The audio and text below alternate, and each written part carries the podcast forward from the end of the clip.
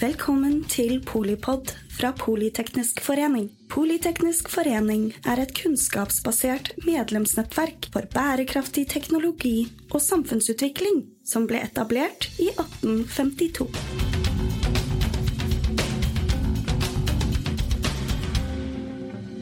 Velkommen til Polipod direkte inne fra Trend24-seminaret. Du skal få høre deler derfra, nemlig panelsamtalen med Stian Jensen, stabssjefen eh, i Nato. Med Karl Jonny Hersvik, eh, CEO i Aker BP. Med Tina Saltvedt, eh, sjefsanalytiker i Nordea. Og med Anne Katrine Berger, samfunnsdirektør i NITO. Panelsamtalen ledes av Torbjørn Røe Isaksen, som er samfunnsredaktør i E24. Tusen takk for det. Velkommen alle sammen. Jeg heter da Torbjørn Røe Isaksen, er eh, samfunnsredaktør i E24, Norges største økonomiavis. 2023 eh, var jo et mørkt og dystert år, og det må kunne sies at det var et mørkt og dystert år i en periode som som er et slags eh, tideverv. Altså hvor det man kanskje kan kalle det lange friminuttet fra historien. En periode hvor vi kunne nærmest ha for gitt at fred og frihet og globalisering og optimisme og fremgang og fremskritt skulle fortsette, helt tydelig har endret seg i en annen retning. Og så sitter vi her ved inngangen til 2024. Foreløpig så er vi mest opptatt av snøstorm og minusgrader. Men det er et kortsiktig bilde som vi kan garantere at ikke kommer til å vare, i hvert fall ikke gjennom hele året. Så det vi skal bruke tiden på, det er å forsøke å se inn i krystallkulen, ha en samtale om hva kan vi forvente oss i 2024. Blir det mer av det samme? Eller er 2024 et år som kan tippe over og bli et slags trendbrudd? Og Det er tre sånne hovedpåler vi skal snakke om her. Det ene er sikkerhet, som har blitt en slags gjennomgripende tema som alle områder må forholde seg til. Vi skal snakke om økonomi, og vi skal snakke om teknologi. Først skal vi ha noen korte innledninger fra hver av paneldeltakerne. og Da har eh, Stian Greit at vi er på fornavn, vi som er telemarkinger, begge to. Eh, da har Stian fått litt lengre tid enn dere andre, så vær så god, Stian. Vi starter med deg, og så går vi videre til eh, Karl Jonny etterpå. Tusen hjertelig takk. Det er, det er, en glede å være her. Og som du var inne på, Torbjørn, altså, vi, vi, har jo vært vitne til et trendskifte i det sikkerhetspolitiske landskapet de, de siste årene. Det friminuttet som du var inne på, som vi opplevde etter fallet av, av Berlinmuren, Eh, og gjennom 90-tallet og i og for seg et godt stykke kanskje ut på 2000-tallet. Og så kan vi diskutere liksom hvor lenge det egentlig, det egentlig varte. Men liksom den perioden signalisert av globalisering, økt frihandel, eh, økt eh, demokrati osv., den er jo på mange måter tror jeg, over og til en viss grad i, i, i revers. Og så tror jeg at jeg skal være forsiktig med å spå noe om fremtiden. for jeg tror at Hvis det er én ting historien viser oss, så er det at vi har en tendens til å bli overrasket. Ikke minst på det sikkerhetspolitiske området. Så det gjelder i og for seg også å være forberedt på noe av det uventede. Men, men, det er klart at det, dette med sikkerhetspolitikkens sentralitet, dette med eh, tilbakekomsten i og for seg av stormaktspolitikk, eh, tror jeg er trend, en trend som kommer til å fortsette også inn i, inn i 20, 2024. Og dette er jo til stor grad drevet av ikke minst Kinas fremvekst. Eh, og endrede eh, maktpolitisk balanse globalt. Og vi er jo i ferd med å få en situasjon der man liksom har de vestlige demokratiene på den ene siden og en del autoritære regimer, Kina og Russland, på den andre siden. Det er en litt grov forenkling, men det er litt der vi er i forhold til å definere spillereglene for hvordan internasjonalt samkvem skal foregå. Og Det tror jeg er en, en utvikling som vi i og for seg dessverre kommer til å se fortsette i 2024. Hvis vi ser litt sånn konkret på Eh, konfliktområder, eh, så er det klart at eh, den situasjonen vi har i Midtøsten, tror jeg kommer til å fortsette å prege oss. Én ting er jo i og for seg hvis denne konflikten forblir relativt lokalisert til Gaza, men det er klart at det er en, en, en frykt og en fare for at den konflikten vil kunne eskalere inn til en større regional konflikt. Det vil ha store globale konsekvenser, potensielt sett. Jeg nevner også at det er valg i Taiwan neste uke. Eh, og hvis det er ett sikkerhetspolitisk eh, område som jeg tror man, en potensiell konflikt som man bør følge litt med på i årene som kommer, så er det jo spørsmål rundt Taiwan og Kina.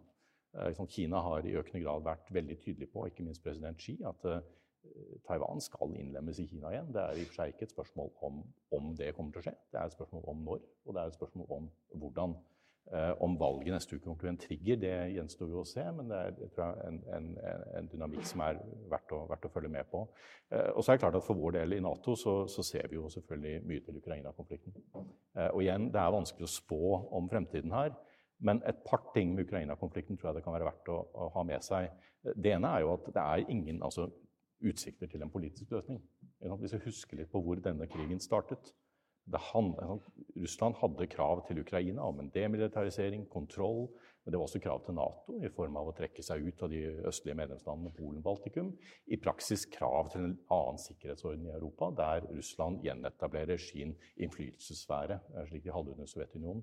Og det er jo ingen tegn til at de russiske ambisjonene er endret. Altså, det er ikke konturene her etter en politisk løsning. Det andre forholdet er jo at russerne har en kapasitet til å fortsette denne krigen i lang, lang tid. Altså, det koster dem. Jeg ser noen ganger vurderinger av at, uh, at dette ikke koster Russland og russerne er i ferd med å vinne. Det tror jeg er, en, tror jeg er en, en, en, feilslutning. Det koster russerne enormt. Det koster dem militært.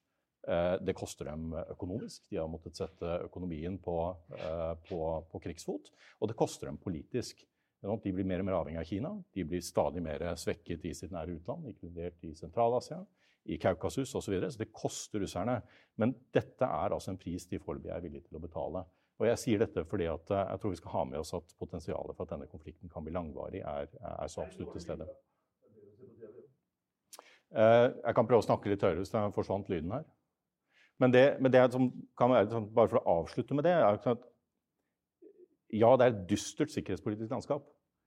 Men jeg tror også vi skal ha med oss at i min vurdering så, så mener jeg jo at vi, altså Nato-fellesskapet, Vesten, har ganske gode forutsetninger for å håndtere det på en god måte. Eh, jeg tror vi fortsatt skal huske på at Nato-landene representerer 50% av verdens militærmakt. 50% av verdens bruttonasjonalprodukt. Eh, hvis man legger til eh, sentrale partnere som Japan, Sør-Korea, Australia osv., så, videre, så er det vesentlig mer. Jeg tror også det er verdt å ha med seg at samarbeidet innad i Nato er jo styrket vesentlig de siste årene. Det er mye snakk om splid, men realiteten er at organisasjonen er endevendt de siste årene. Står mye sterkere. Samholdet står mye sterkere. Og dette har jo skjedd i en periode som har vært ganske turbulent, med brexit og kupp i Tyrkia og eh, president Trump i Det hvite hus i fire år. Men det samarbeidet står, står veldig sterkt. Og så tror jeg også at vi skal huske på det at det er jo ikke slik at uh, situasjonen i de autoritære landene er så fantastisk heller. Altså Russland har store store utfordringer, og det gjelder til dels også Kina. Jeg tror den ideen om at Kina skal vokse inn i himmelen og ta igjen USA, bli verdens største økonomi, bli vesentlig større osv., den tror jeg er, den tror jeg er sterkt overdrevet. Uh, slik at jeg totalt sett, ja, vi er det er en krevende sikkerhetspolitisk situasjon, men jeg mener at vi har alle forutsetninger for å håndtere det på en god måte som ivaretar våre interesser og trygger vår sikkerhet. Et lite spørsmål før vi gir ordet videre. Eh, det var ett presidentvalg som du ikke nevnte, som kommer i 2024. Og det er i det udiskutabelt mektigste landet i Nato. Hvordan kan det påvirke Nato? Altså, jeg tror at uh, Jeg skal ikke uh, spå noe om utfallet i presidentvalget, men jeg, jeg, tror nok at helt uavhengig av hvem som vinner det presidentvalget, uh, så tror jeg at forholdet mellom Europa og USA kommer til å bestå. og jeg har ingen tro på ideer om at USA kommer til å trekke seg ut av Nato. Det er altså en bred tilslutning amerikanske, på det amerikanske politiske establishementet, både blant republikanere og demokrater, og en bred folkelig oppslutning om Nato i USA. Eh, så jeg tror at samarbeidet med Europa og det sikkerhetsfellesskapet man har innad i Nato, kommer til å bestå. Det er jo ikke dermed sagt at det ikke kan bli noen utfordringer dersom president, president Trump skulle bli, skulle bli, gjenvalgt. Det så vi også forrige gang.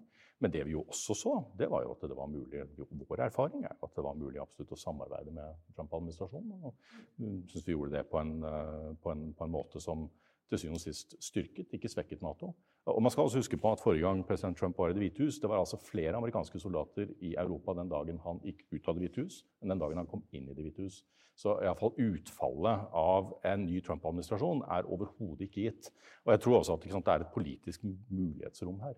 Uh, dette, er ikke, dette, er ikke, noe som er skrevet i stein på forhånd. Tusen takk. Karl Jonny, hvordan ser 2024 eh, ut, sett fra ditt ståsted og fra altså, i energibransjen? Nei, eh, det er jo et veldig godt spørsmål, Torbjørn. Um, jeg har nå sittet i denne stolen det si som leder for Aker BP uh, i ti år, i mai. Og ved inngangen jeg er 24, så tror jeg dette er det året jeg har kikket inn i kalenderen og tenkt at nå er det mer usikkerhet enn det jeg har vært vant til. Og det skjer langs flere akser samtidig. Eh, dere har nevnt sikkerhetspolitisk, jeg skal ikke ta det opp igjen, men 2023-året ble det året vi var nødt til å ta inn over oss sikkerhetstema på en helt annen måte. Og da spesielt innenfor cybertema for oss som er industribedrifter. Det kom fra noe som var en, en, risiko, til i min verden å bli en diskusjon om når, og ikke, ikke eh, hvis. Og Det gjør at blir, du blir en helt annen organisasjon. Du gjør eh, helt andre tiltak når du er ganske sikker på at du kommer til å bli eksponert for denne typen tiltak. Og kanskje til og med fra ja, organisasjoner, til og med statlige organisasjoner med helt andre kapasiteter enn det vi er vant til å ha dette er ikke DDoS-angrep som prøver å ta ned di. Liksom. Det er en helt annen diskusjon. Så det sikkerhetspolitiske og usikkerheten rundt det, det har Stian allerede nevnt. Jeg skal gå mer inn på det. Så er det hele makrobildet. Og da tenker jeg ikke bare på olje- og gasspriser. Jeg tenker på liksom, hvordan ser handelsruter ut, handelsbalanser. Hvor hen kommer vi til å få materialene våre ifra? Vi er en, en bransje som produserer mye fysisk eh, produkter. Dvs. Si sveiser stål, produserer toppsider osv. Dette er avanserte tekniske produkter, og vi er avhengig av en dyp og velfungerende verdikjede som vi i ti år har bygd opp med en litt sånn global eh, handelsmekanisme som har gått sånn just in time. Nå funker ikke just in time lenger. 2023 var det året hvor folk begynte å snakke om lager igjen. Tenkte det. Altså, vi begynte å snakke om at vi skulle lagre elastomerer og elektronikkomponenter osv. for å være sikre på at vi klarte å levere produkter som vi de siste ti årene har vært helt sikre på at vi kunne klare å levere, så lenge disse komponentene kom 15 minutter før de skulle installeres på det kretskortet som de skulle installeres på. Det, det, det er fundamentalt brudd i måten vi tenker på. Og Det samme skjer på renter. Også rentebanene våre. Altså, pengene har jo gått ifra å være relativt billig til å bli relativt dyrt, vil jeg si. Uh, og så kan man jo diskutere hvordan det der kommer til å se ut i framtida. Det skal ikke jeg gi meg inn på, men det er et faktum at kapital er dyrere enn det har vært. Eh, FX-ratene er annerledes og varierer mye mer. Det betyr at sikringsmekanismer er mye viktigere for oss. Og så står du midt i det som er antageligvis den største teknologiske revolusjonen vi som mennesker har vært involvert i. Eh, det som populært kalt, eh, kalles kunstig intelligens, og som mange er et sånn samlebegrep som dekker både språkmodeller og matematiske modeller og en, ja, en masse forskjellig sånn kunstig, kunstig intelligens-type tenkning er antageligvis det området som har et raskest ekspansjon i så lenge vi som mennesker har hatt en eller annen form for kommunikasjon. Eh, I alle fall i industriell tid.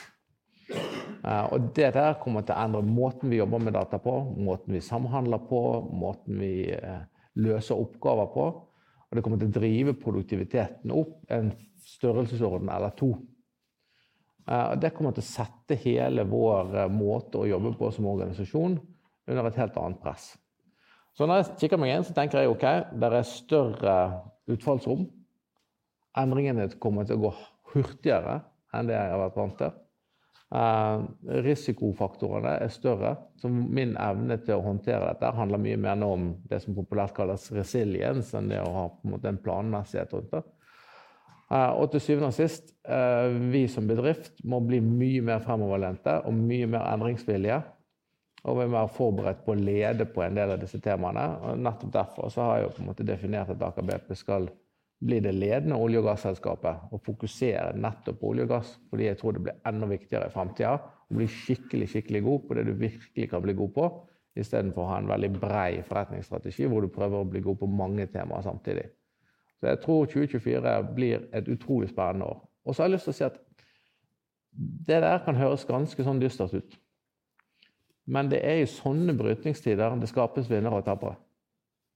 Det er når, når, ting ikke er stabilt, og de er i flukt, at de selskapene, personene, teamene som er virkelig gode, blir enda bedre. Og jeg er jo helt sikker på at både Norge som nasjon og Aker BP som selskap kommer til å nyte godt nettopp av at saker og ting ikke er stabilt, ikke i flukt, ikke er i en en slags ekvilibriumstilstand. For nettopp da kan vi bruke vår kompetanse, vår evne til å manøvrere og vår hastighet til å skape konkurransemessig avstand til de andre selskapene, og forhåpentligvis også andre nasjoner. Tusen takk. Tina, fra, fra ditt ståsted, hva er det vi kan forvente i 2024? Ja, Det som blir spennende i første omgang, tenker jeg, det er jo at uh, rett før jul så var vi jo ferdig med COP28. Uh, der ble vi enige om for første gang at vi skal begynne å bevege oss bort fra fossile energikilder og til mer fornybart. Uh, det var første gang man tok inn i ordteksten at man skal da bevege seg bort fra. Og det holder jo ikke at vi bare skriver under på dette som en avtale. Vi må faktisk sette det i live. Så vi må ha en strategi for hvordan vi gjør det. Samtidig eh, som vi da skal etter hvert bevege oss bort fra mer eh, fossil energi, så må vi også bygge opp mer fornybar energi. Og der eh, fikk vi også ganske store, ambisiøse mål. Nettopp at vi skal øke fornybarkapasiteten med 30 innen 2030. Eh, det er ganske mye, og innen kort tid. Så her skal det skje store bevegelser innen energimarkedene. Og det avhenger selvfølgelig veldig mye av hva som skjer politisk, og, selvfølgelig også i markedene selv. Og det er jo spennende, fordi at du var inne på Kina. Kina har jo vært det landet i verden som har investert mest i fornybar energi. Eh, og de har jo også et ønske om å bygge seg opp som en fornybarspiller i det internasjonale markedet. Og da er det jo spennende å se hvordan eh, agerer vi på det. Eh, hvordan klarer man å bygge opp fornybar energi som kan konkurrere med nettopp Kina. Både i Europa, USA og også andre steder i verden. Så var det jo en annen viktig ting som kom fra COP, og det er jo noe vi skal huske, eh, huske på. Det er veldig viktig. Fordi at det skjer bevegelser i eh, energimarkedene nå. Eh, I Kina, som sagt, største altså den nasjonen som investerer mest i fornybar energi, så er det jo Europa og USA. Men så er det jo da store deler av verden som ikke har muligheten til det. Eh, og hvis vi virkelig skal nå klimamålene våre, hvis vi skal nå naturmålene våre, så er vi nødt til å ha med også land som ikke har eh, den samme økonomiske muskelen som det vi har, f.eks. Slik at vi får på plass det som det ble eh, debattert i under COP28. Nettopp at vi finansielt også bidrar til å få økt tilgangen, først og fremst på energi, Eh, fornybar energi også i fremvoksende og utviklingsland. Så det er kjempeviktig dette med at man da får i gang også investeringer og tilgjengelig kapital. Så er vi inne på dette med natur. fordi at Vi har snakket veldig lenge om klima, men nå kommer også natur. Og dette med naturkrisen vil vi løfte opp på agendaen. Det snakkes mye nå om, og vi ser jo flere og flere kommuner begynner å få en avtale om naturnøytralitet. Men dette å måle naturrisiko det kommer jo til å gå hånd i hånd med dette med klimarisiko. Så dette er noe vi må også finne metoder for, og måter å få inn når vi vurderer risikobildet, men også selvfølgelig muligheter som ligger der. Så er det jo andre spennende ting som også kom ut av kopp, som vi ikke har snakket så mye om. Eh, det er matsystemene. Matsikkerhet. Her har Norge lovet å ta en ledende rolle. Og det er jo også tett knyttet opp til noe Norge ønsker å være store på, det er havene. Fordi at De snakker mye om hva som skjer til lands, men også havene. og Det er jo selvfølgelig en lang kyststripe med store hav, eller Norge som en stor havnasjon. Der eh, vil det jo også skje veldig mye. Så det er spennende muligheter. Tusen takk. Eh, Anne Katrine fra NITO, du representerer jo her hele det store arbeidende folk. Hvordan ser 2024 ut mm. for dere? Jeg representerer jo en uh, fagforening som er teknologioptimister, så jeg har bare så lyst til å liksom, i, en, uh, i, et scenario eller en ramme av krig, konflikt, kriser uh, Du får nesten lyst til å bestille kista med en gang, ikke sant? for hvordan skal dette gå? Så er det greit å være positivister. Og nå har det kommet to ganske viktige innovasjoner som jeg har lyst til å, å nevne. og Det ene er Vatnahallen Altså den, den er, det er en bro som er dobbelt krumbøyd. Det er historisk, så det betyr at eh, land og steder kan nå bindes sammen på en helt annen måte enn det ble gjort før. Oppfunnet av ingeniører, tilfeldigvis at jeg nevner det. Eh, og så har du da eh, kunstig intelligens som, eh, som diagnostisk funksjon, som bl.a. Bærum sykehus nå har tatt i bruk, som gjør at eh, alvorlige sykdommer kan diagnostiseres mye raskere, og man kan redde liv. Liksom med det bakgrunnsteppet der, så er det ikke tvil om at kunstig intelligens vil jo påvirke eh, arbeidslivet i mye større grad. Det ble årets nyord i fjor, utrolig nok. Jeg syns jeg har hørt om det i alle år. Eh, men nå vil det bli mainstream. Eh, og hva betyr det for det norske arbeidslivet? Jo, det betyr jo at sånn som Aker BP må jo da gå inn og se hva er det, hvor får vi tak i kompetansen? Har vi nok kompetanse? Vi i NITO sier at arbeidslivet i dag er, består, eller representerer i dag en kompetansekrise. Vi har ikke nok kompetanse. Og da må vi satse på å rekruttere nok og, og omstille nok i dagens arbeidsliv. Så de bedrifter som klarer å ta i bruk kunstig intelligens som en innovativ evne, men samtidig ser at her må vi satse på på våre egne ansatte, de vinner den kampen. Og så Det andre perspektivet som jeg har lyst til å nevne, er jo, eh, er jo eh, beredskap. Vi har to store utredninger som kom i fjor. Eh, historisk. Forsvarskommisjonen er en av dem. Totalberedskap i tillegg. De sier jo at hverdag, altså alle profesjoner i dag vil ha en hverdagsberedskapsfunksjon. Og det vil alle eh, profesjoner nå måttet innstille seg på og, ha, og finne informasjonskanaler til. Så det er på en måte utviklingstrekk som jeg tenker er viktig å ha med seg. Eh, men det viktigste er at vi må ha nok kompetanse. Ellers så opplever vi at vi blir frakjørt. Og så det aller siste, det er den norske modellen. For den er fortsatt dessverre veldig norsk. Det at vi har et partssamarbeid mellom arbeidsgivere og arbeidstakere, det er fortsatt ganske unikt. Men det vil også være utgangspunktet hvis kunstig intelligens-effekten skal tas ut helt. Det sa også Inga Strymke nå i en fantastisk god eh, artikkel rett før jul. At de bedrifter som klarer å ta i bruk eh, partssamarbeidet gjennom å tilrettelegge for tariffavtale på arbeidsplassen, de vinner kampen om å utnytte kunstig intelligens.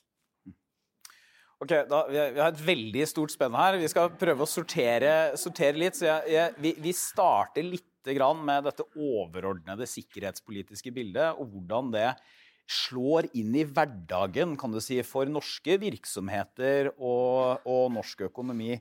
Eh, hvordan skal man forberede seg på den usikkerheten som, eh, som ligger der? Kalle, du, du nevnte dette som ett moment.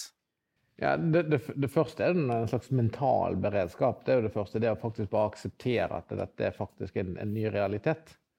Uh, og så uh, har jeg veldig tro på trening. Altså det å faktisk trene på at du blir angrepet, at noe skjer. Og det er en annen type trening å trene på, på måte, det å fighte av et cyberangrep enn det å måte, ha en konvensjonell beredskapstrening. Fordi Vanligvis når vi har en hendelse, så skjer det jo en hendelse, og så følger det en eller annen form for utvikling. Her har du faktisk en aktiv motpart som tar aktive valg, og som responderer på dine eh, forsvarsbevegelser. Eh, og, så det er nummer én. Og, og nummer to, som leder, så er jo dette et kompetanseområde. Så du er faktisk nødt til å sette deg ned og så begynne å tenke på hvordan ser egentlig arkitekturen min ut. Hva slags forsvar har jeg egentlig? Hvilken teknologi har jeg egentlig? Hvor langt fremme er den? Og hvilken kompetanse har jeg? Og hvilken kompetanse har jeg? Sånn, så jeg, må, jeg, har jo vært litt sånn tydelig på at ledere som ikke er i stand til å tegne opp sitt arkitektoniske rammeverk på datasida, de er heller ikke i stand til å lede et forsvar av det samme rammeverket. For du vet rett og slett ikke hva du holder på med. Og det siste er jo hvordan bygger jeg på en måte et, et, en slags resiliens? For jeg, jeg tror jo sånne, sånne diskusjoner som vi nå har, vi er veldig opptatt av forsvarsmekanismen og disse brannmurdiskusjonene. Realiteten er at hvis du har tilstrekkelig med ressurser, som en del av de eh, organisasjonene som Nato har som motpart, de har så store ressurser at det finnes ingen kommersielle organisasjoner i Norge som de ikke vil klare å penetrere. Eh, og hvis de bestemmer seg for det, ødelegger arkitekturen til. Da, da snakker du om å bygge det opp igjen. Altså, Hvordan ser egentlig den resiliens ut? Hvordan ser den normaliseringsstrategien ut? Eh, og hvor fort klarer du å komme deg på beina igjen? Eh, så det, er en helt sånn annerledes mindset. Det er at du faktisk må ta inn over deg sånne konkrete sikkerhetspolitiske temaer. Og så for det siste, er for oss som opererer i Nordsjøen, um, så må vi jo forholde oss til at det er fartøyer som flyter rundt der ute uh, med ja, russiske og andre flagg, uh, som vi ikke vet hvilke intensjoner og hensikter de har. Uh, og vi har jo nå hatt to rørledningsbrudd på infrastruktur. Så, det å være litt mer oppmerksom på hvor, hvor hen disse fartøyene er, hvordan de oppfører seg og hva de gjør eller ikke gjør, er jo noe som vi aldri har tenkt på før. Men som vi har begynte å tenke på. Og det betyr at vi har helt andre såkalte DFU-er som er definerte forhåndsplaner for hva som skjer når en, en båt begynner å drifte i Nordsjøen. Ok, Før har vi tenkt at dette er motorstopp eller et eller annet. Nå er det ok, her er det et eller annet som skjer. Så, så, så, så, hele mindsettet ditt som leder endrer seg. Fordi, fordi, forutsetningene og rammeverket som du må forholde deg til, er helt annerledes.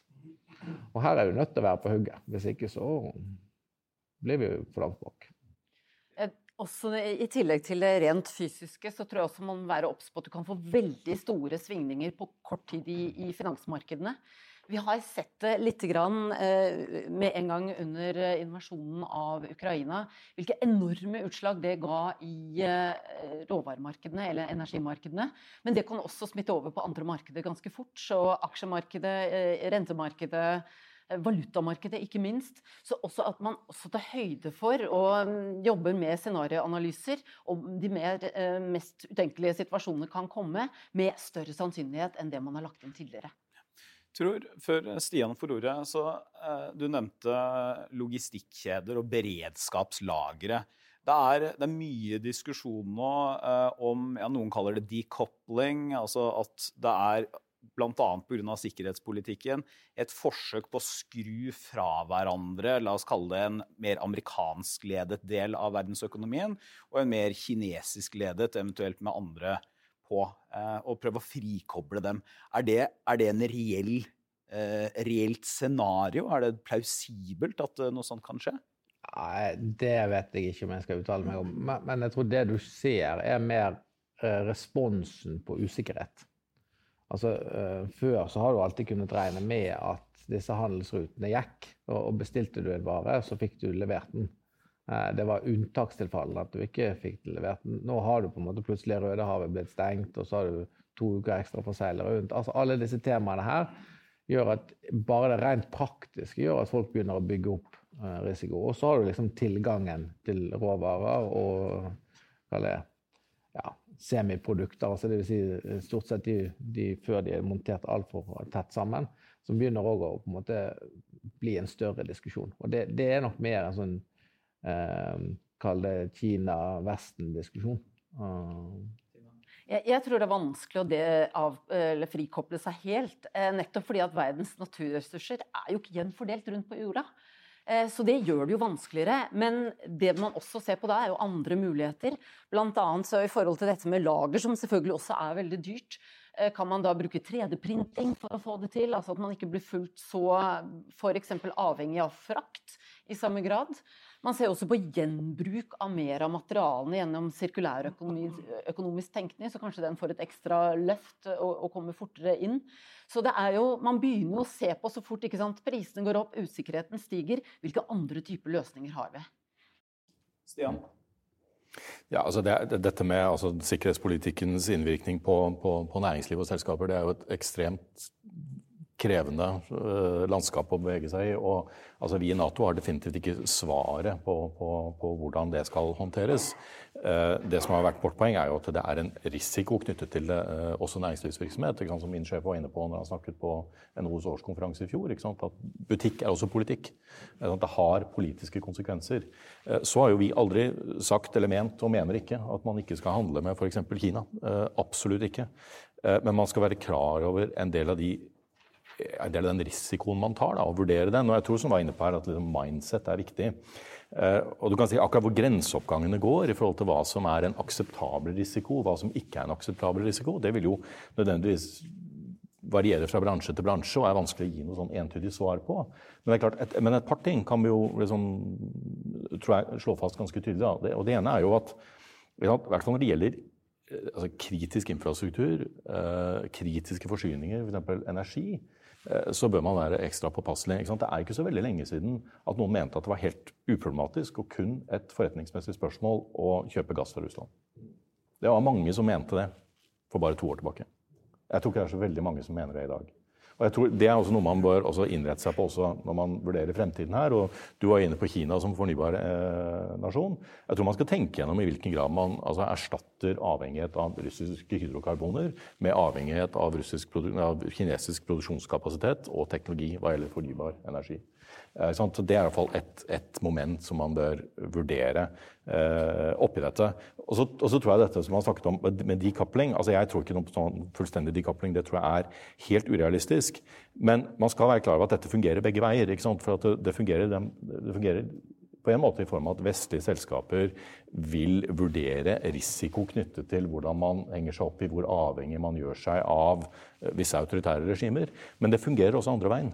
Altså Man skal være klar over det at eh, når vi har altså, satt i gang et sanksjonsregime mot Russland i den størrelsesorden man har gjort, og det mener jeg det er helt riktig, for det må få konsekvenser, det russerne driver med i Ukraina, så er det klart at eh, andre regimer, Kina inkludert, ser jo på det sanksjonsregimet og vil jo vurdere hvordan de vil kunne bli rammet av et slikt sanksjonsregime potensielt en gang i fremtiden.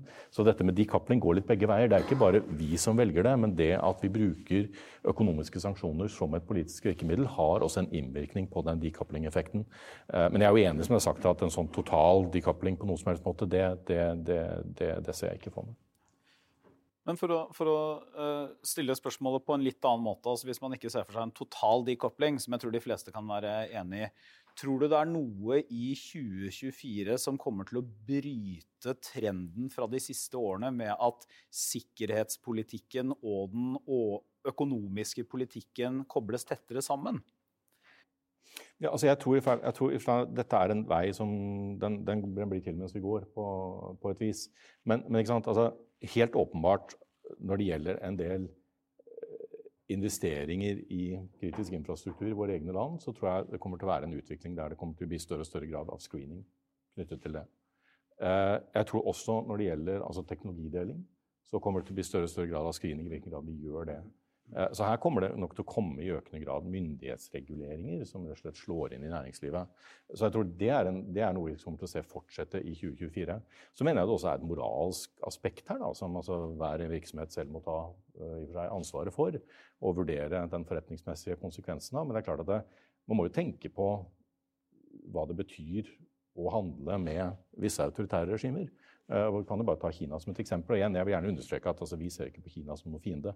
Uh, og vi mener ikke at man ikke skal handle med, med, Kina. Men det er klart at hver enkelt virksomhet må jo allikevel ta inn over seg hva slags regime det er man egentlig handler om. Hva, hva, er, hva, er, Natos offisielle betegnelse nå på Kina?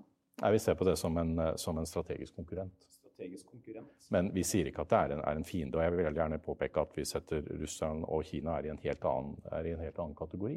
Og det er helt åpenbart at veldig mange av de utfordringene man har globalt, enten det er på klimasiden eller andre ting, krever en form for samarbeid med, med Kina. Og vi er opptatt av å også skape en relasjon til Kina. Vi har, et, uh, vi har kontakt og dialog, dialog, med dem. Men det vi er opptatt av, det er at man skal håndtere og være klar over den risikoen det eksisterer med et veldig tett økonomisk samkvem. Nei, altså tenker, I forhold til sikkerhetspolitikkens påvirkning av det norske samfunn, så har jo forsvarssjefens tale de siste tre årene har jo, eh, vært et uttrykk for at eh, halvparten av det norske forsvaret må bestå av teknologer. Det er teknologien som vil eh, sikre eh, et viss beredskap og et visst forsvar. Eh, og det er ganske sterkt, syns vi. Eh, spesielt når vi representerer ingeniørene. Eh, det er det ene. Og det andre er at beredskap er en del av alle profesjoner, som jeg var inne på.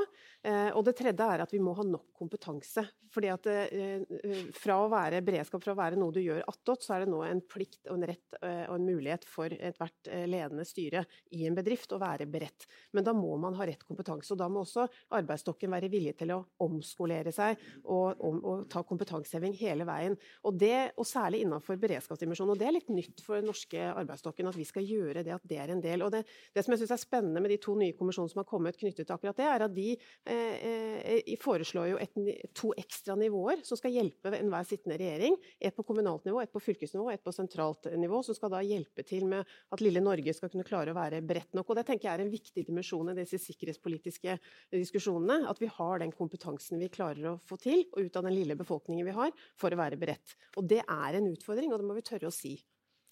Eh, Kalle, nå, nå, har jo uh, olje og gass aldri eh, noen gang vært en ikke-politisk sektor, i den forstand at det har alltid vært storpolitikk. Men, men føler dere at, at uh, storpolitikken kommer nærmere enn det har gjort de siste ja, 10-15 årene? Ja, både ja og nei. Altså, som du sier, det å, det å, jobbe med olje og gass har alltid vært en politisk virksomhet. Eh, I den forstand at vi både forvalter ressurser som er eid av det norske folk, og dermed underlagt både moralske og regulatoriske krav. Eh, og på den annen side så er dette et globalt marked eh, hvor det er både kommersielle og strategiske aktører som spiller kontinuerlig. Så jeg har alltid sett på dette som en, ja, som en slags hybridmarked. Som både er ultrakommersielt, men samtidig ultrastrategisk. Men, men jeg synes det, det, som er, det, som er, spennende nå, da, og som jeg synes er ganske viktig at ja, Du får noen brudd i disse handelskjedene. Jeg tror det har skjedd allerede. Jeg, jeg tror det pågår. Eh, sånn som det.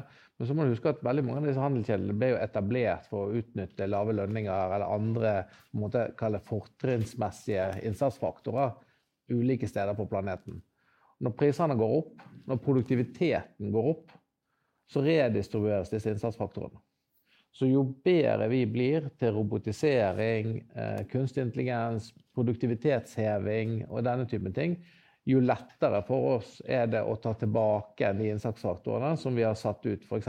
til Asia. Og ikke nødvendigvis eh, bare Kina, men andre steder òg. Og det der, er en, det der er jo en vridning som vi som næringsliv, og for så vidt òg de arbeidstakerne, må ta inn over oss. Og, og, her, og, dette skjer fort. Det skjer uhyggelig fort. Og, og, så har vi en tendens til å tro at vi i Norge vi er, vi er raskest til å gjøre det. Det er ikke riktig. Eh, arbeidstakere og andre steder, f.eks. i Asia, de lærer òg fort. Og de har lært fort lenge. Så, så, jeg vil jo på en måte si at dette er en, både en, en, call to action, som det heter på godt norsk, for norsk næringsliv og norske arbeidstakere om å liksom virkelig få tempo opp på forbedringsarbeidet sitt, øke produktiviteten og bli enda dyktigere til å utnytte disse teknologiene.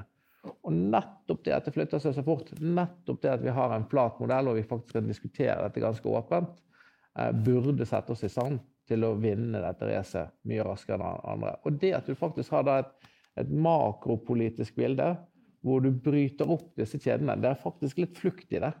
Det gjør at det å faktisk gjennomføre denne typen strategi er enklere nå enn det ville vært f.eks. i 16, 17, 18, hvor du ikke hadde denne typen brudd i, eh, i de samme leveringskjedene.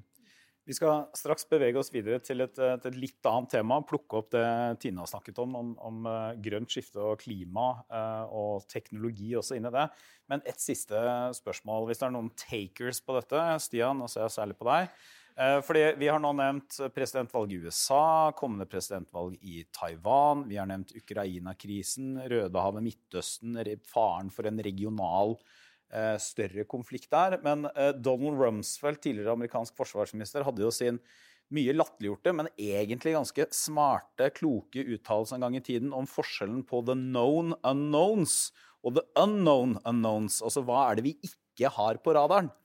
Og Her er det åpne spørsmålet er det noen områder jeg skal gjøre det såpass generelt, sikkerhetspolitisk koblet kanskje til økonomi, men behøver ikke å være det, som, som ikke er på radaren vår, og som er kanskje i hvert verste, beste fall da en known unknown, som vi burde være oppmerksomme på i 2024.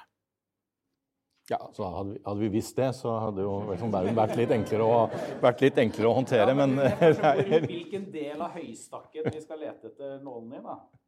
Altså, jeg tror vi har et ganske godt begrep om akkurat uh, hvor høystakken ligger. og det, det, tror jeg er på en del av de områdene jeg allerede var inne på. Altså, jeg tror ikke Eh, det er Midtøsten, det er Ukraina, det er forholdet til Kina, det er over Taiwan osv. Eh, eh, man kan i og for seg godt se for seg også andre kriser i andre, i andre deler av verden, og flyktningstrømmer og, og, og liksom den type ting. Så jeg tror i og for seg ikke det er noe mangel på hva skal vi si for noe? Ideer eller kreativ tenkning knyttet til hva som er mulige kriser. Eh, det som selvfølgelig er utfordringen, er jo eh, nettopp å forberede seg på det som er usikkerhetsmomentet. Og jeg tror det som er viktig å være klar over, det er at altså, vi har ikke lykkes tidligere med å forutse alle kriser. Eh, noen ting så vi komme, som f.eks. krigen i Ukraina. Andre ting har vi ikke sett komme. Det var få mennesker som eh, så for seg at Berlinmuren skulle falle sammen. Det var få som så for seg 9-11. Det var få som i og for seg så for seg det totale sammenbruddet vi så i Afghanistan bare for, bare for to år siden. Slik at jeg tror man skal være bevisst på egne begrensninger knyttet til i hvilken grad vi faktisk kan forutse hva som kommer til å skje.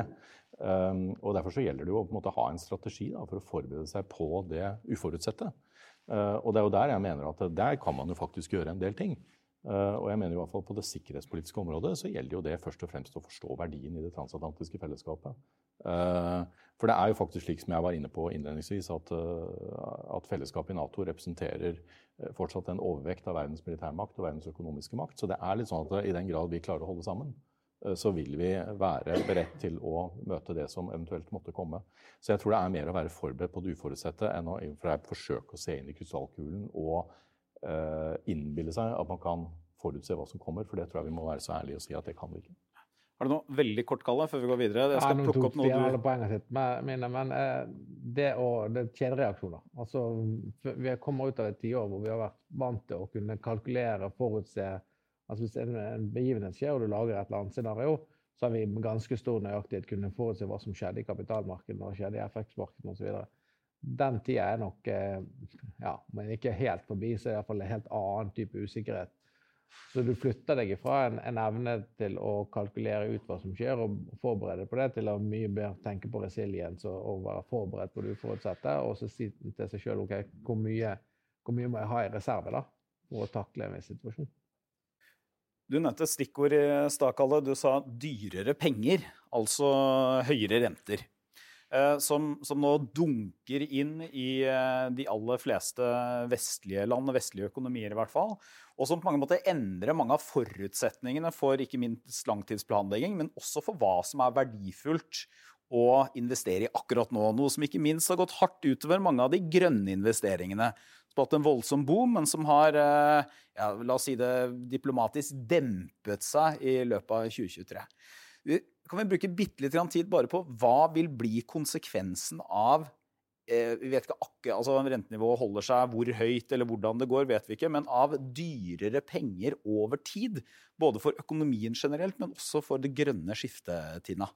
Ja, for det første så bidrar jo til å bremse farten, eh, og det er jo meningen. Eh, det er jo derfor man har også satt opp renta. Jeg tror nok at det vil jo skjerpe de bedriftene. altså Det grønne skiftet stopper ikke av den grunn. Men det vil jo skjerpe bedriftene som skal jobbe med det, eh, utvikle nye løsninger for å få ned kostnadene. Fordi at du vil ikke kunne klare å få utbygd det som er nødvendig, hvis det ikke er lønnsomt på sikt. Eh, og eh, vi ser jo stadig tegn på at eh, kanskje bør man, og kanskje er det bra, at man får gjennomgått en god del av de prosjektene som var foreslått. At man får en ekstra gjennomgang av de. Kanskje var de altfor dyre å sette i gang, og kanskje bør det være bedre løsninger som nettopp gjør at du får enda raskere ned kostnaden når du finner de løsningene. Bruker, bruker litt lengre tid på å gå gjennom teknologi, setup, skalering osv. Eh, nettopp fordi at eh, når du da får de ut, så vil de også være eh, Altså stå tryggere og være mer konkurransedyktige med eksisterende løsninger. Men er du, er du litt vel optimistisk nå? Fordi en ting er at det grønne skiftet ikke stanser, men det gjør jo at de de investeringsobjektene og selskapene som kan levere gode utbytter nå, istedenfor en eller annen gang i fremtiden, relativt sett tjener bedre. Så det er jo et problem. altså Du ser at store deler av næringslivet nå, ikke bare de som driver med næringsbygg, men sliter med at uh, selv om alle visste i hermetegn at rentene skulle bli høyere, så kommer det allikevel som et slags sjokk. Det blir nesten som, uh, uten sammenligning for øvrig, invasjonen av Ukraina, da, som, mange, som vi på mange måter visste at uh, kom, men det kom allikevel som et eller annet form for sjokk på mange. Altså jeg tror de rente, Det rentenivået vi hadde, var jo veldig veldig lavt. Det er heller det som er eksepsjonelt enn de rentene vi ser nå. Ja, det er dyrere, men det må, vi vente, altså det må vi vente at det vil være i lang tid fremover. Om det går litt opp eller litt ned, eh, det, det vil jo bare tiden vise. Men, men, likevel, at vi har det lave nivået, det er klart at det blir vanskelig. Jeg tror også at eh, litt av grunnen til at vi fikk denne voldsomme oppgangen og den voldsomme nedturen Én ting er jo de lave rentene, at prisen på kapital var veldig lav. Men vi var også tidlig, litt tidlig ute med en del løsninger som ikke var testa ut. Eh, det ble en voldsom boom på, på et tidspunkt her. Eh, og så må man jo da se på i hvilken grad da altså man ønsker å støtte disse løsningene for at de skal komme raskere ut på markedet. Men jeg tenker at det var kanskje ikke helt usunt heller at man får en gjennomgang nettopp av disse løsningene for å få de mer solide og konkurransedyktige på, på sikt. Jeg tror en del av de eh, ble litt haussa opp, hvis jeg skal være helt ærlig. De hadde ikke blitt testa ut skikkelig. Ehm, det, det var litt, litt, mye eufori rundt det i starten. Nå får vi kanskje en mer sunn utvikling, selv om den må gå fort. Og et marked man ser det veldig tydelig på, Solmarkedet er jo allerede konkurransedyktig. Det har vært det billigste ehm, den billigste energikilden veldig mange steder i verden. Så når du kommer over den innovative delen, så, så er det mulighet for å uh, få ned kostnadene og skalere opp også for andre typer fornybar. Anne Katrine, for det, det, pågår jo nå et eh, teknologikappløp her, som påvirker norske bedrifters omstillingsevne. Og en forutsetning for norske bedrifters omstillingsevne, det er jo at de har den rette kompetansen. Eh, og vi har, en, vi har en eh, liten minikrise her, eh, hvor det er liten tilgang på ingeniører. Vi har ikke nok ingeniører og teknologer som skal hjelpe oss gjennom å foreta det grønne skiftet. Og det minste da den norske regjeringen kan gjøre, er å være beredt på å gi det tilfanget av ingeniører og teknologer som bedriftene trenger. Det er det ene. Og på den andre siden så har vi vært innom igjen den norske modellen. Det er en en skattkiste for å kunne klare å omstille bedriftene effektivt. Og det ser vi jo tendenser til at f.eks. utenlandske eiere ikke helt forstår i det norske markedet for å ta ut effekten og svare ut IRA. Så må, det må være bredt på å forstå og innse. Kalle, oppfattet jeg deg riktig i stad at du, du, advarte oss litt mot ikke verdien i den norske modellen, men mot å tro at den er, den er så eh, resilient at den vil bare fortsette å løse problemer og tjene oss godt, og så glemmer vi at andre også eh, forsøker å bli bedre og blir bedre stadig vekk? Ja, jeg tror ofte Jeg tror av og til at vi har en litt sånn Vi sitter litt på vår egen tue her i Norge og glemmer at uh, det er andre der ute òg som på en måte er opptatt av å vinne disse kappløpene. Uh, og spesielt på den industrielle sida. Jeg er ekstremt opptatt av ordet forbedring. Uh, og her, her, tror jeg på en måte at uh, disse, disse, økte rentene, disse disse dyrere pengene, ja, det kommer, til, det kommer til å kreve en gjennomgang av prosjektene. Det kommer til å kutte kostnader. Du kommer til å få en sortering av at du kun kjører de beste prosjektene som høyest avkastning, som iallfall møter avkastningskravet til de som skal investere. Og andre prosjekter som ikke gjør det, de kommer ikke til å komme til markedet. Men tid er òg viktig. Altså det som skjer nå, er at når, pengene blir dyrere, så blir jo kostnaden per tidsenhet større. Så det å komprimere disse prosjektene sammen blir òg mye viktigere nå enn det har vært.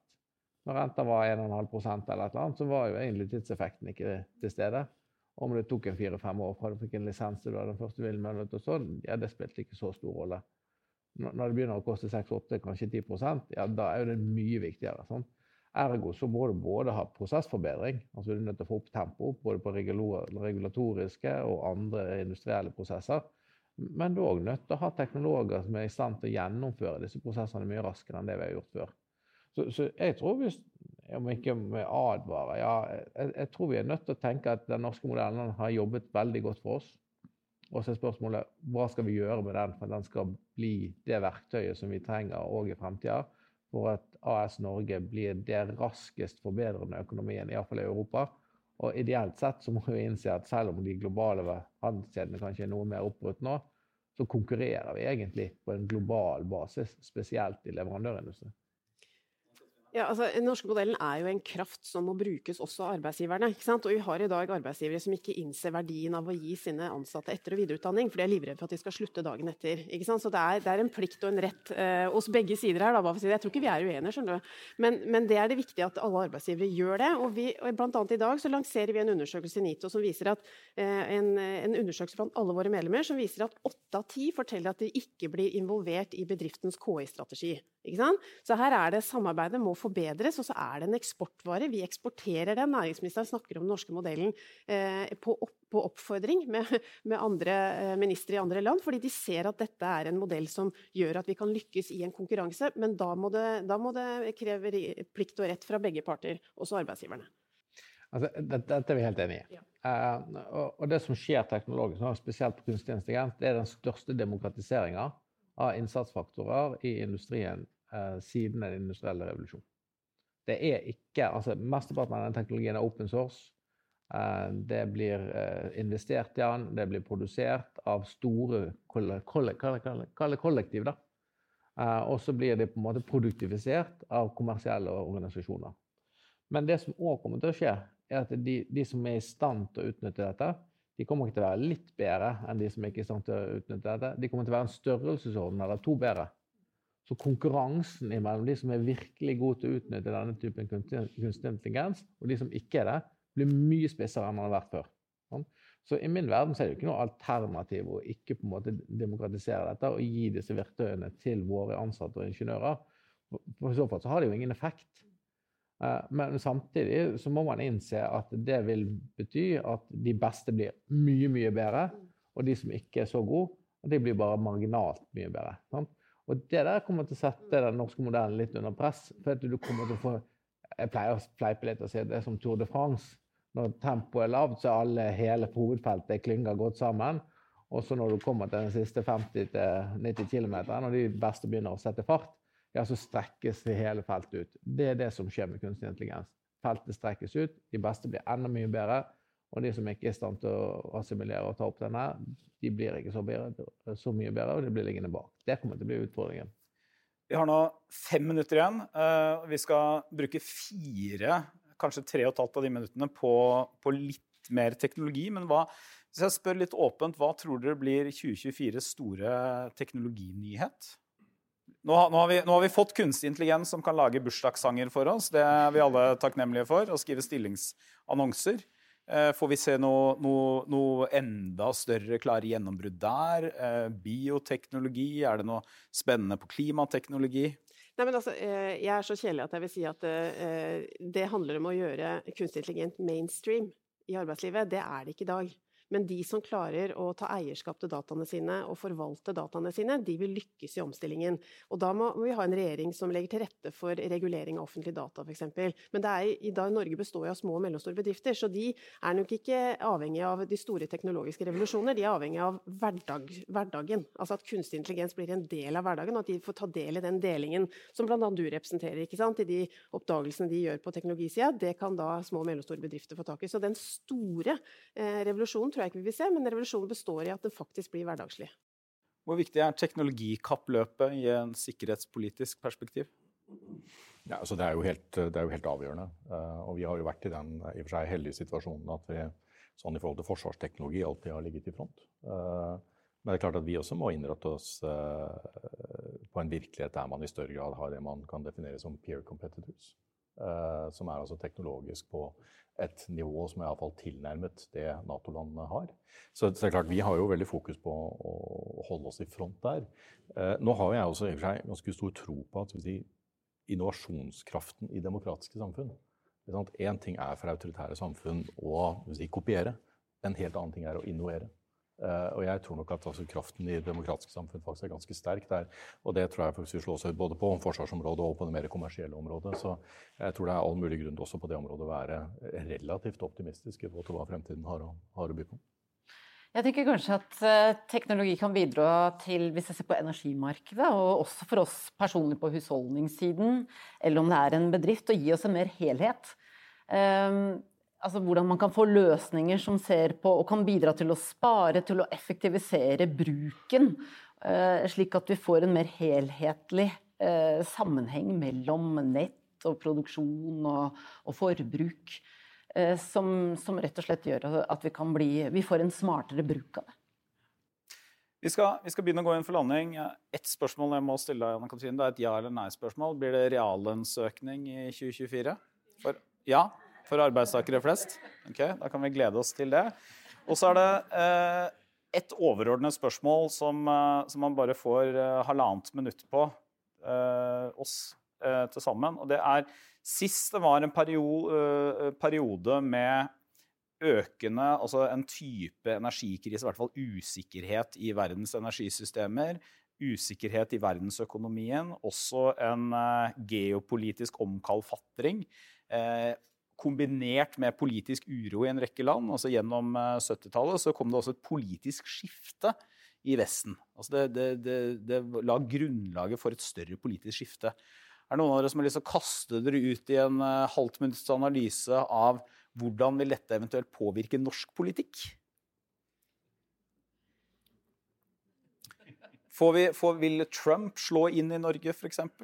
Er det Vil INP vokse kraftig og suse inn til stortingsplass i 2025? Vil regjeringen komme seg tilbake, få opp oppslutninga? Ja. ja eh, og så representerer jeg jo NITO, ikke Nato. Eh, nei, eh, jeg tror i forhold til de politiske svingningene vi opplever, da, så er det noen ting som fortsatt er stabilt. og det er oppslutningen om det norske demokratiet. Også for Valgdeltakelsen er fortsatt stabil, bare for å måte, påpeke statsviserbakgrunnen min. og så er er det fortsatt sånn at de fleste velger å ta utdanning. Ikke sant? Eh, og det betyr at vi har en arbeidsstokk. Og de fleste organiserer seg. Eh, og det betyr at vi har et eh, form for forsvar eh, som kan stå imot ulike politiske svingninger, uansett hva det nå enn er. Eh, men det avhenger jo at vi har myndigheter som ser inn i kula og ser at ok, nå, må vi berede grunnen for at vi sikrer at vi har rett og nok kompetanse, uavhengig av hva slags politiske svingninger som gjennomstår. Men samarbeidets kraft det er jeg mer usikker på. Altså Oppslutningen rundt at vi er med i, Nato, den er jo ganske sterk nå i befolkningen. Oppslutningen rundt at vi er med i FN er litt mindre er, er fallende. Eh, jeg skulle gjerne hatt en ny EU-diskusjon. Eh, eh, det tror jeg vi vil se konturene av, med tanke på alt som skjer i EU og hvordan vi samarbeider med EU. Men, men, men, det at du har den norske modellen som et stabilt fundament, uavhengig av hvilken regjering som kommer, for det har vi jo bevist, vi har jo hatt nesten alle partier i regjering, og den norske modellen har jo bestått, utrolig nok. ikke sant? Det vil være et godt nok sikkerhetsgrunnlag, tenker jeg. Det er alltid fint å avslutte med en sånn uh, liten hyllest til den norske modellen. Da føler vi oss alle vel, og så tenker vi at verdens urolighet og mørke den vil, det vil kanskje ikke klyve inn her hos oss. Uh, helt til slutt, håndsopprekning. Hvem, hvem, vil si at de er optimist for 2024? Fire optimister! Hvem vil si at de er pessimister for 2024? Greit, da kaster jeg meg inn. Tusen takk til eh, dere som så på, tusen takk til eh, panelet, og tusen takk til Politeknisk forening. Takk for oss. Takk for at du lyttet til Polipod fra Politeknisk forening. Få med deg flere episoder eller bli med på nettverksmøtene, som du finner ved å søke at polyteknisk, eller gå på vår hjemmeside polyteknisk.no.